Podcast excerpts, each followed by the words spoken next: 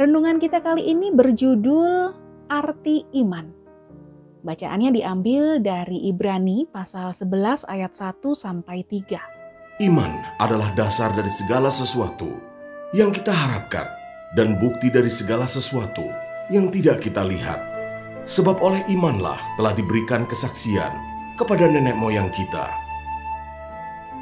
Karena iman kita mengerti bahwa alam semesta telah dijadikan oleh firman Allah sehingga apa yang kita lihat telah terjadi dari apa yang tidak dapat kita lihat.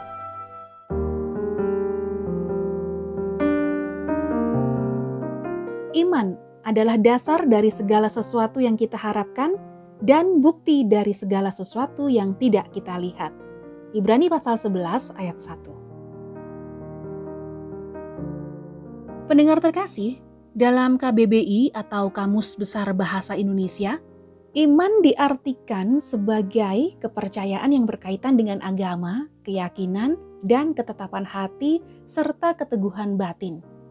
Iman adalah kepercayaan yang diyakini kebenarannya di dalam hati, diucapkan dengan lisan, dan diamalkan melalui perbuatan. Iman juga diartikan percaya atau membenarkan.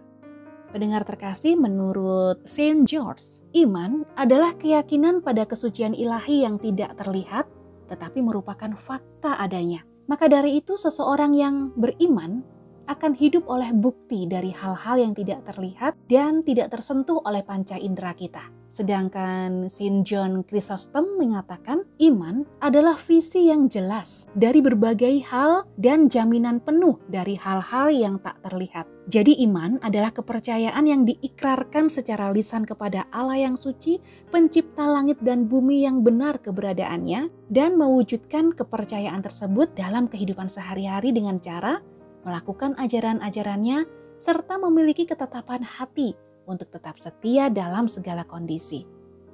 Walaupun iman harus diikrarkan secara lisan, namun iman sulit dijelaskan dengan kata-kata. Tetapi kita bisa melihat wujud iman melalui perbuatan.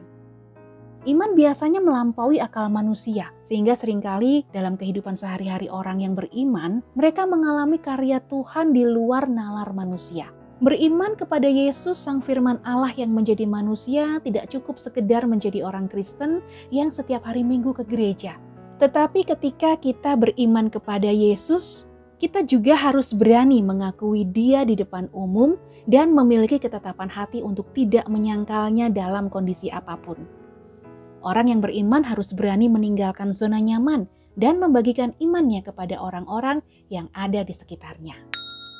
Ia duduk mendengarkan ketika Paulus berbicara, dan Paulus menatap dia dan melihat bahwa ia beriman dan dapat disembuhkan.